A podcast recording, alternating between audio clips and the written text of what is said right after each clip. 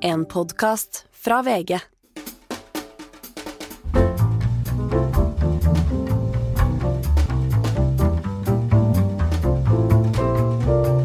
Hei! Her får du en smakebit av min samtale med Hanne Eggen Røiselien, religionshistoriker som har skrevet bøker om Israel og bodd lenge i dette landet. Hun har en litt bredere fremstilling av Israel enn det vi ofte får i den norske debatten om Midtøsten. Hun ser Israel mye bredere, og vi snakker om at ikke noe sted i verden er det antagelig mer kritikk mot israelsk politikk enn nettopp i Israel. Og det er jo interessant at Kontrasten er jo slående til mange arabiske land hvor, eh, hvor det er eh, faktisk farlig å kritisere makta. Så det er, jo, det er jo et element i at det faktisk er masse kritikk av Israel i Israel, mens det er veldig lite kritikk av palestinske ledere i de palestinske områdene. Sånn Apropos det du sa nå om uh, politikk og ståsted og sånt, så får jeg jo ofte spørsmål sant, om, om Israel er et demokrati. Du sier er et ganske interessant spørsmål, for vi kan igjen sant, gå på en del sånne juridiske standarder og si at nei, nå er det demokratiet, det israelske demokratiet, skikkelig ute og vakler. Det er jo et helt åpenbart argument å kjøre. Det er noe veldig interessant med, med debattklima. Eh, jeg har mye med leder og lederutvikling å gjøre i Norge. Ehm, og, og trekker opp eh, tre ord som går på respekt, åpenhet og ærlighet.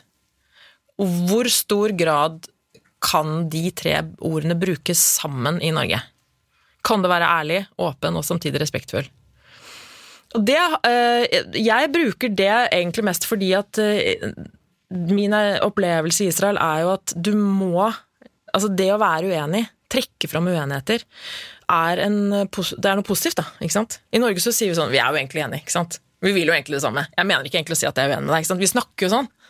Israelerne bare ja, men jeg er uenig med deg. Liksom. Mm. Det er jo deilig. Hele. Det er litt deilig. Ja, det er veldig befriende, men jeg blir jo sånn urokråke i Norge. ikke sant? Og bare konflikt. Å, du er ikke mye konfliktsky. Nei, i og for seg ikke. Men, men, men, men, det er ikke fordi jeg er respektløs. ikke sant? Men uh, den israelske måten å snakke om si, sannhet på, da, er veldig annerledes enn den norske. Jeg synes det er veldig interessant. Da. Sånn, for meg er det en veldig sånn tiltrekkende side ved det samfunnet. Mm.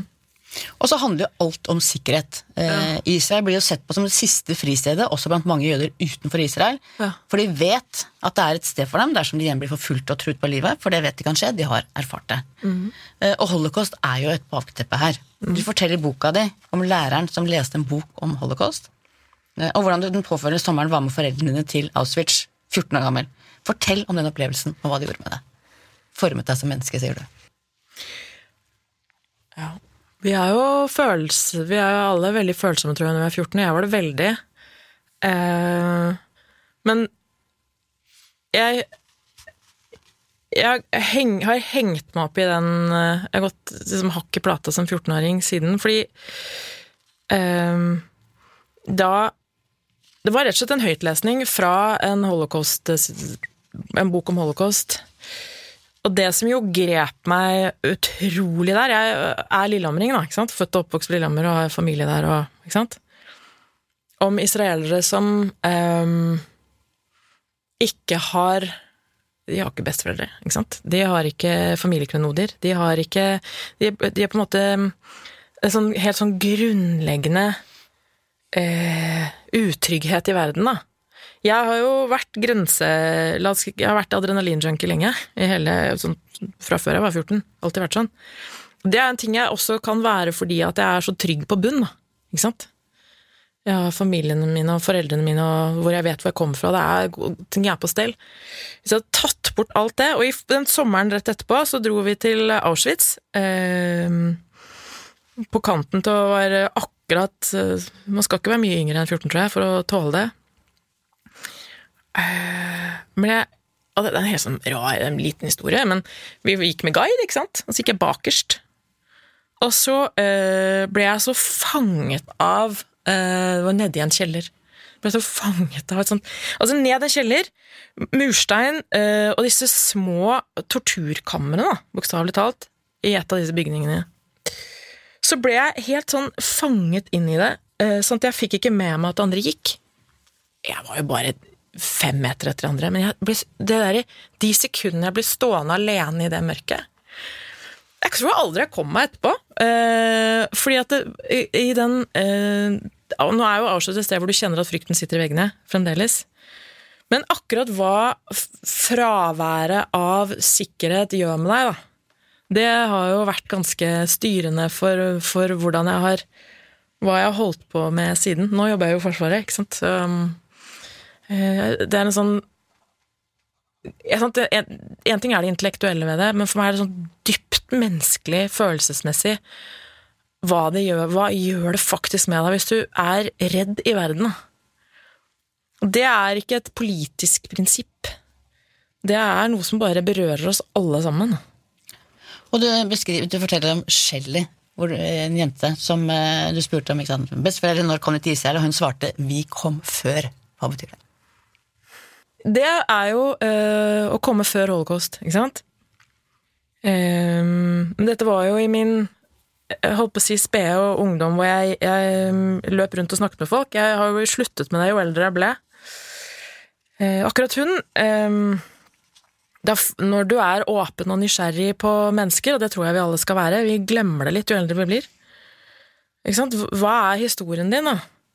Uh, og det brukte jeg lang tid på å skjønne den typen narrativ, for jeg kom jo også veldig fort med et sånn politisk eh, kompass da, ikke sant, om hva som er rett og galt og sånn. Men når hun da sier 'jeg kom før', så er det vi, sant? vår familie kom før holocaust. Vi kom før de andre som hadde mistet alt, da.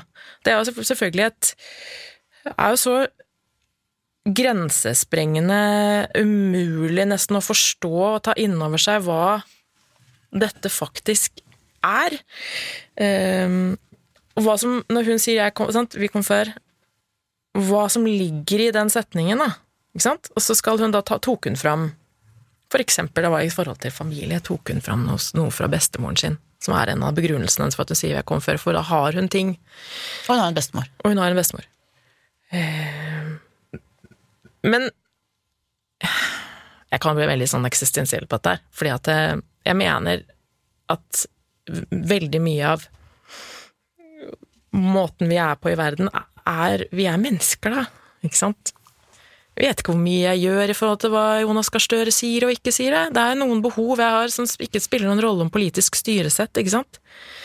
Jeg vil eh, hilse på moren min, ikke fordi at Jonas Gahr Støre sier at det er lurt. Altså, ikke sant? At det er bare noen sånne nære relasjoner da, som er Jeg vet i hvert fall for meg så har det at jeg har en trygghet, da vært utrolig, utrolig viktig for alt jeg har gjort hele livet. Og når man ikke har det, så kan jeg Det er ikke sikkert at jeg har vært så utrolig raus og grei heller. Nei, jeg var tolv år i 1978 da den amerikanske TV-serien Holocaust kom. Ja. Med Meryl Streep. Og vi hadde svære diskusjoner hjemme hos meg, og foreldrene mine lurte på om jeg var gammel nok til å se det eller ikke. Mm. Og konklusjonen ble at jeg så det sammen med faren min. Moren min orka ikke. Og for meg var det også helt sånn, det forma meg. Jeg leste Bjørneboe, 'Ondskapens problem', og jeg har også hatt det der veldig med meg. Mm. Og jeg tror det var liksom alderen og det å sitte og Eh, jeg kan fortsatt kjenne på den følelsen du beskriver. Mm. Og du må, og jeg tenker det er et bakteppe. Du kan si hva du vil, men det er et bakteppe også i det vi snakker om nå. Mm. Men så kan man jo også, sant, for vi, apropos politisk korrekthet, så legge til også at det der lever jo palestinerne i òg. Ja, ja. Og den utryggheten der som um, jeg har holdt på i Midtøsten i mange år, ikke sant. Eh, jeg sluttet med det etter hvert, fordi jeg kjente på min egen tåleevne. Um, men jeg tenker på de gangene jeg har hatt med meg folk til Israel og Palestina. Um, de fleste de, de, jeg, si, jeg, kjenner dem ikke helt igjen når de er der. For de blir stressa, blir irritert, nervøse, bekymret. Det er jo nervøsitet og en bekymring i luften der, da som er ganske påtagelig, eh, og som setter seg litt i ryggmargen også. For det, det, er ting som man ikke nødvendigvis ser så godt når man går på gata, men sånne ting som at i skyggene så er det sånn detentions og er arrest, eh, arrestasjoner og Og da er jo soldater med gevær over skulderen overalt? Ja, det er det. Jeg husker jeg var på Da var jeg 19, jeg var på disko. Det er åpenbart ikke noe jeg driver med lenger, men eh, Og så mista jeg, jeg hadde mista jakka mi, tror jeg. Der inne så så jeg at den hang fast på ryggen, festa til et gevær til en soldat, ikke sant, bare hengte deg opp, da. Ja, det er jo Tenk om det har vært i Norge. Selvfølgelig hadde det aldri vært i Norge, men at det er helt sånn greit. Jeg plukker ned den der jakka fra det der geværet, så tar jeg den på meg igjen, og så snakkes. Ha det. sant? Gjør jo ikke det her. Og blir det noen løsning i gang? Altså Når du snakker med folk som har fulgt dette tett lenge, så syns jeg jo veldig mange av dem bare har mista håpet helt. Det er en fantastisk situasjon, da, hvis vi skal avslutte med det, at eh, alle løsninger er utopiske. Det er som ingenting som går an.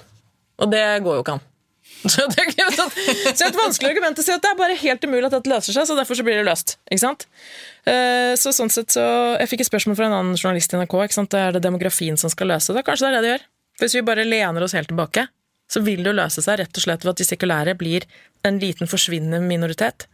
Og så vil det være ultraortodokse og palestinere som er majoriteten. Om det er en løsning, er jo det vil, Men det vil endre hele, endre spillereglene, i hvert fall. Og bli et helt annet Israel enn det som ble grunnlagt i 1948. Ja, da forsvinner jo det. Ja, da forsvinner det.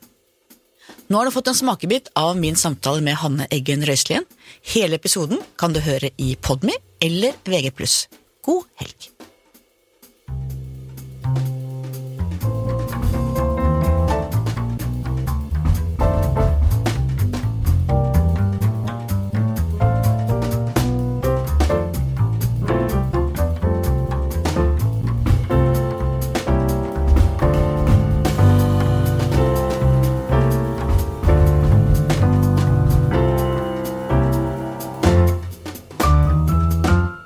Har hørt en podkast fra VG. Ansvarlig redaktør, Gard Steiro.